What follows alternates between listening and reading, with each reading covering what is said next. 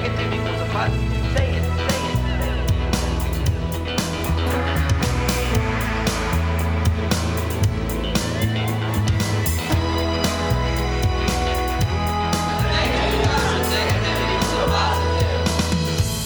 Why? Hej och välkomna till podcasten Anpassa skolan med Jimmy och Cissi. Ja, och idag är det vårt sista avsnitt för den här, det här året. Exakt, för den här terminen det här året. Ja, vad ska vi snacka om idag? Ja, vi tänkte knyta an lite till senaste veckans debatt på tv och även i media och olika tidningar som uppmärksammat eh, hemmasittare. Det är ett ämne vi har pratat om tidigare och vi pratar ofta om det, du och jag Jimmy. Och då var det väldigt intressant att det här dök upp, det här programmet på TV4. De Ja, osynliga barnen, Kalla fakta. exakt. Och där drog igång en diskussion på alla möjliga forum. Och så. Ja, så det ska vi snacka lite om idag. Bakgrunden de tar upp är att eh, vi har många elever idag med eh, problematisk skolfrånvaro som har som även kallas hemmasittare. Då. Eh, de, säger, de har fått fram lite siffror, Kalla fakta, att eh, det tycks öka. Man får väl, det spelar egentligen inte så stor roll. Det finns många elever med problematisk skolfrånvaro, hemmasittare, och det är ett problem som behöver lösas. Eh, I det här programmet så har de undersökt, eh, de har tagit ut statistik från 500 skolor runt om i landet och fått fram då att ungefär en elev per skola som har den här problematiken och är som en hemmasittare. Och då tänker ju både du och jag att det känns lite lågt räknat. Vi tror Ja. att det är Det är eh, nog högre än så. Fler än så, fler än en elev per skola. Det är i alla fall vår erfarenhet. Ja. Så att eh, statistik kan ju säga en sak, men vi tror att det är mer än det här. Och hur ska man tänka kring det här då? De tar ju upp lite saker i programmet. Eh, de pratar mycket om hur systemet är uppbyggt. Skolsystemet och kommunernas ansvar och så vidare. Och det har ju vi lite tankar kring. Mm, vi diskuterar lite kring det och sen så hoppas vi kommer in på lite hur man kan jobba i skolan och så också. Ja, om vi tänker att vi börjar att prata lite om systemet då. Skolsystemet och hur ser det ut på kommunnivå och, och sådana saker. Och vad, hur tänker vi där? Eh, ja, nej men 2011 vart det lite nya, en ny skollag och nya betygs... Eh, och då kom det in till exempel att eh, eleverna ska kunna analysera och kommunicera på ett annat sätt. På ett, eh, vi började med eh, inkludering på ett annat sätt än vi gjort tidigare. Vi, många kommuner tog bort de här små undervisningsgrupperna, särskilt stöd. Och de skulle inkluderas in i stora klassen. Mm. Och egentligen så, det kan vi ju backa direkt, för det togs upp i programmet att eh, skolministern, för detta är det nu då, men eh, säger ju att det här med inkludering, att han upplever att man har misstolkat det begreppet. Det här har man ju pratat om mycket, men det var väldigt intressant att han sa att egentligen har kommuner tolkat det fel. Och han menar på att eh, man, ska in, man skulle inte ha lagt ner alla små undervisningsgrupper. Och man, det finns ingen begränsning för hur mycket en skola ska anpassa för varje enskild elev. Och det är intressant att det då kommer upp sju år senare. Fast då kommuner och skolor har slitit med det här i alla år. Och vi är väl lite inne på va, varför har man inte stoppat det tidigare? Och varför har det inte blivit en tydligare förtydligande då i skollagen om det visar sig nu att regeringen tycker att man har misstolkat eh, begreppet inkludering. Ja, exakt. Det reagerar vi lite på när vi såg programmet. Lagen kanske behöver vara lite tydligare i så fall. Ja, Ifall man har misstolkat den eller tolkat den fel i sju år. för egentligen så säger de i programmet att eh, man kan inte som skola säga att vi har inte pengar att sätta in resurser till den här grupp, lilla gruppen eller till en enskild elev. Men hur ser det ut i, i dagsläget? Jo, en skola säger ju ibland det och då blir det ju väldigt svårt. Hur ska man göra och var ska pengarna komma ifrån? Det pratar de ju mycket om i programmet att eh, Man kan inte säga att vi inte har pengar, men verkligheten ser ju ofta ut så. Att eh, kommuner kan säga att det finns inte pengar. Det finns ingen övre gräns för hur mycket en skola behöver anpassa. Nej, men pengarna måste ju finnas och det är inte alltid de gör det. Så hur ska Så i verkligheten finns det en övre gräns. Ja, eh, pengagräns. Pengagräns, Ja. Mm. exakt. Så res- pengarna kommer ju att eh, avgöra vad, vilka resurser eleven kommer få. Mm. Ja. Om vi säger att det är minst en elev då per skola som behöver de här väldigt extra anpassningarna eller särskilt stöd så kommer det kosta pengar för, för den skolan och då måste det tillsättas. Men sen har vi många elever som behöver särskilt stöd eh, som inte är så, så kallade hemmasittare. Så det här är ju ett problem som kommuner och skolor har. ja, exakt. Och där sitter ju en rektor sitter med en budget. Mm. Får han minus några hundratusen på ett år, då får han Mm. förmodligen lite skäll utav sin chef. Mm. Ja, men... eh, Ja, Och det här också som man tar upp i programmet att det är ju det här som blir ett ja, väldigt stort eh, orosmoment för alla föräldrar till de här barnen som har börjat att vara hemma. Att vem ska betala för insatserna för mitt barn? Och det kan gå månader, år innan det händer någonting. Och det är väl därför det nu har uppmärksammat. Ansvaret för det här ligger hos kommunen som ska se till så att skolorna får resurser till eleverna att anpassa det här. Skolverket har en stödjande roll och ska stödja kommunerna i det här arbetet. Okej, men ändå, även om... Eh, nu kommer vi till skolan. Okej, vad ska vi göra? Vi kan ju inte sitta och vänta på att eh, pengar och si och så, utan hur ska vi jobba mest effektivt? Vad har vi för tankar och idéer och hur, ja, arbetssätt? Mm. För det går ju att hjälpa de här eleverna trots att du inte har mycket pengar. Det vet vi. Och då måste man göra det på ett effektivt sätt då i ett arbetslag eller på en skola. Vart börjar vi då? Ja, vad, jag tänker ju att har vi en rektor som har uppmärksammat det här problemet så kan ju den leda det här arbetet ganska lätt genom att skapa kollegiala samarbeten, hitta personer på skolan som har kompetensen. Har man inte någon kompetens på skolan, skicka några på utbildning som sen får hjälpa andra arbetslag till exempel. Eh, Ja, vad tänker vi mer? Ja, nej men du pratar om att utbilda. Kompetensberika. Eh, så huvudsaken, eller första steget är att rektorn sitter på den kompetensen och sen eh, fixar så att personalen också får den kompetensen på olika sätt. Mm, och Ja. vilken kompetens behöver personalen? Vi kan ju säga att ungefär 90 procent av alla hemmasittare, det är bara en siffra vi har sagt. Den är inte evidensbaserad. Nej, eh, att de flesta då har någon form av NPF-diagnos. Någon autism eller ADHD eller något annat som eh, ja, kan leda till att man har svårigheter i skolan. Men det finns också såklart att du kan ha trauma bakom dig. Du har eh, psykisk ohälsa. Det kan också leda till eh, skolfrånvaro. Absolut, absolut. Eh, det är ju det vi har sett då att sen 2011 så är det många elever, framförallt med MPF, som inte riktigt kan nå upp till de här kraven.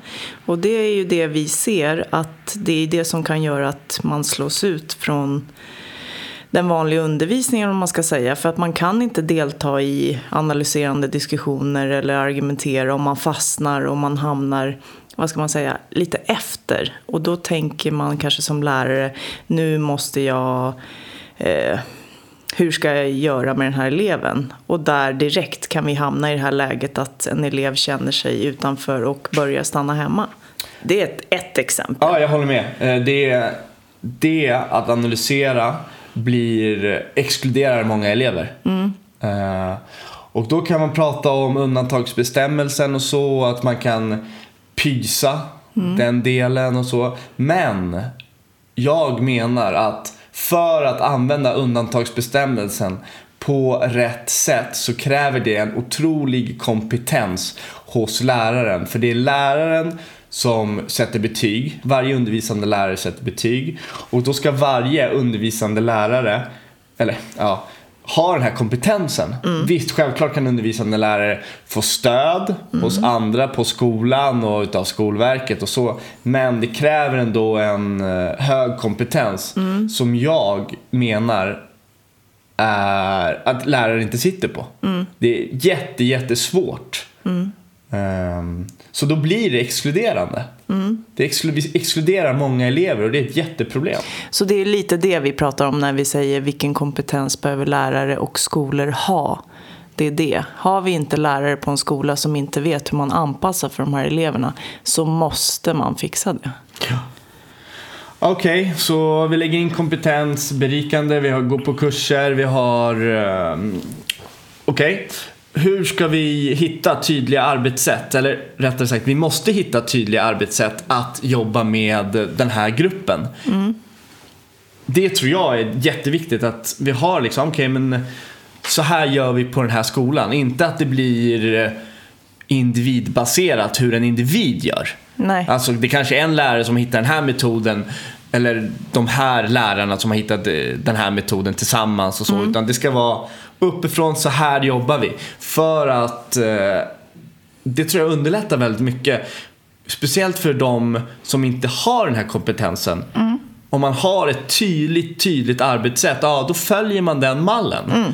Och man får också hjälp om man inte kan. Och man får ju alltid någon som kan stötta en. För Exakt. att det är så här vi jobbar på den här skolan. Vi, när vi upptäcker att en elev börjar att utebli, hur kartlägger vi det? Vem kartlägger? Det ska vara tydligt, det ska finnas i rutinerna eh, när man börjar märka att elever uteblir. Och då behöver man ha kartläggningsmaterial för det. Ja, och eh, så då på något sätt blir det ändå det första vi gör är en invitering utav vilka kompetenser vi sitter på i skolan, i arbetslaget och därifrån eh, jobba vidare. Och vi vill ju utnyttja kompetenserna vi har så bra som möjligt. För det är någonting eh, jag tycker är jätte, jätteviktigt och tror verkligen på väldigt starkt. Det är att det är jättemånga duktiga pedagoger, personal inom skolorna som sitter på otrolig kompetens. Men vi måste maximera hur vi utnyttjar den här kompetensen. Och det kan vi inte göra om vi inte inviterar det här. För att vissa sitter på en otrolig kompetens inom bedömning, otrolig kompetens inom det, otrolig kompetens med bemötande och si och så. Men alla lärare, alla personal har inte den här kompetensen var och en. Nej, precis. Så vi måste utnyttja det. Så Cissi, du jobbar som speciallärare. Eh, hur tänker du kring det här?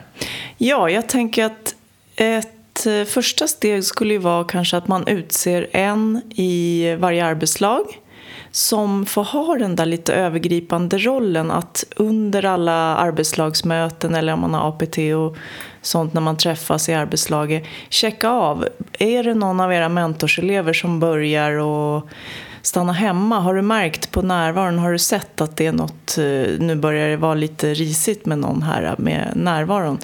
Eh, att en personal då har lite koll på det och hjälper sina kollegor.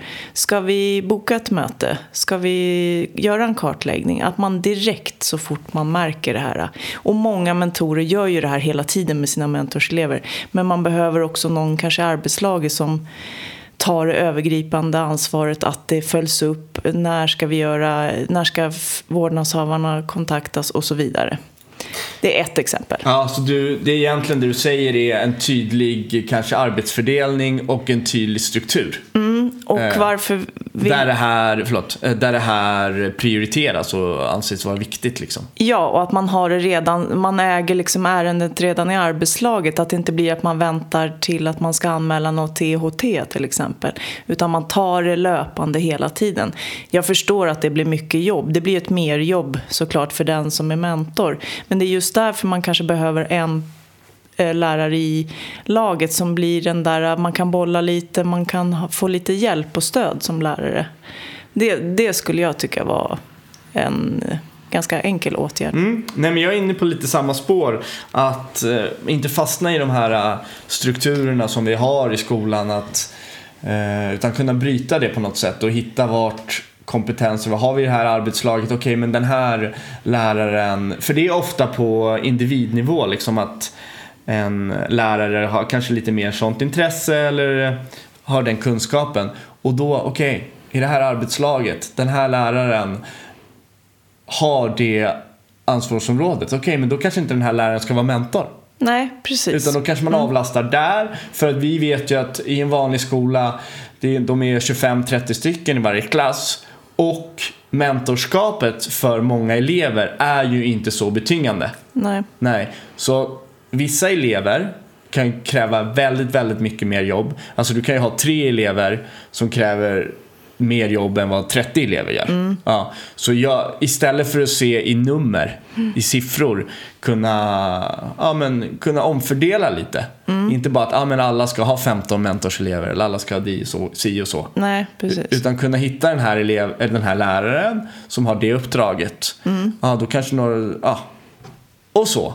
Utnyttja kompetensen som finns i eh, kollegiet. Ja, och det vore ju också då guld om den läraren kanske har lite resurstimmar på sitt schema. Nej men precis. Och kan stötta en lärare, man kan gå in, nu behövs det lite extra stöd här. Och har, du, kan, har du tid att kolla och varför har inte den kommit på halva dagen och så vidare. Så att man gör det dagligdags hela tiden och inte väntar. Det är ju en av de eh, bästa faktorerna för att man ska undvika hemmasittare. Det är att man gör insatsen direkt. Ja, exakt. Och det kan ni lyssna på vårt avsnitt tre, där vi pratar lite mer om sånt. Men då tänker jag så här, man kanske ska, man kan tänka annorlunda hur, man, hur vi tänker med speciallärare. Hur tänker vi med specialpedagoger? Hur jobbar vi i arbetslag? Alltså, vi, vi kan inte bara fastna där. Vi kanske måste blanda det lite. Det kanske ska vara en speciallärare i varje arbetslag. Ja. Det Frånsett från hur det ofta ser ut nu. Utan, alltså det, visst är det så att speciallärare och specialpedagog är oftast kopplade till ett arbetslag. Men ännu mer är i ett arbetslag. Mm, Sitta mycket närmre, mycket tajtare. Och ha resurstimmar, ha med, vara med i två lärarskap, vara med i, på klasser, gå runt, lär av varandra på någonting sätt. Mm. Hitta det i system, bygga ett sånt system där man kan lära av varandra. Mm. Det ska inte vara så svårt.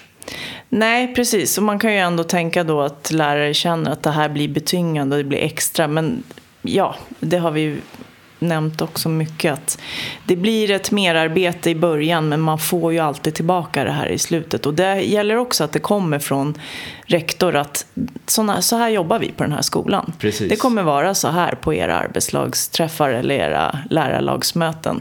Att vi har en person som har extra koll på det här. Ja, att det ska vara tydligt. Om jag säger så här till dig.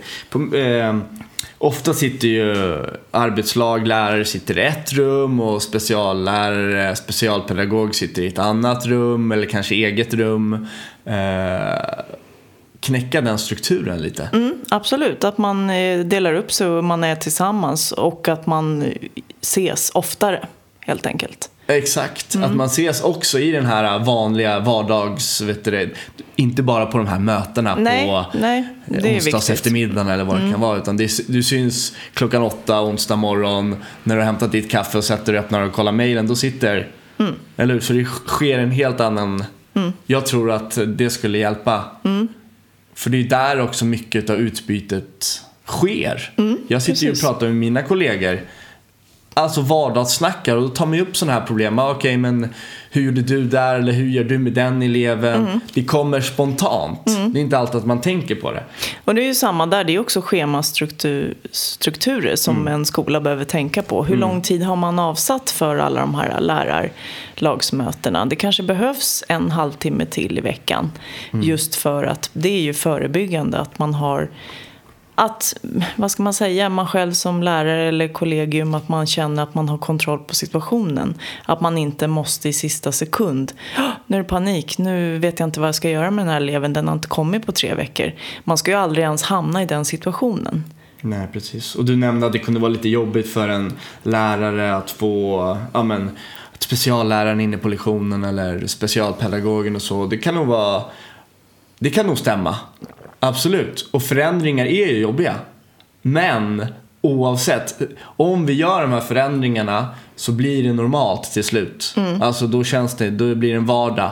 Och får vi de här resultaten, vi kommer få vi kommer lyckas bättre med vår skola, vi kommer lyckas bättre med våra elever. Men nu ska vi vara lite konkreta också Cissi.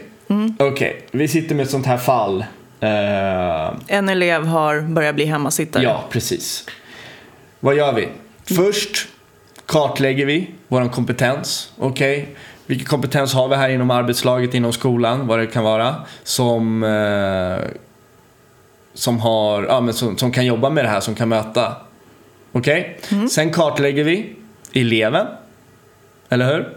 Vad eh, beror det på?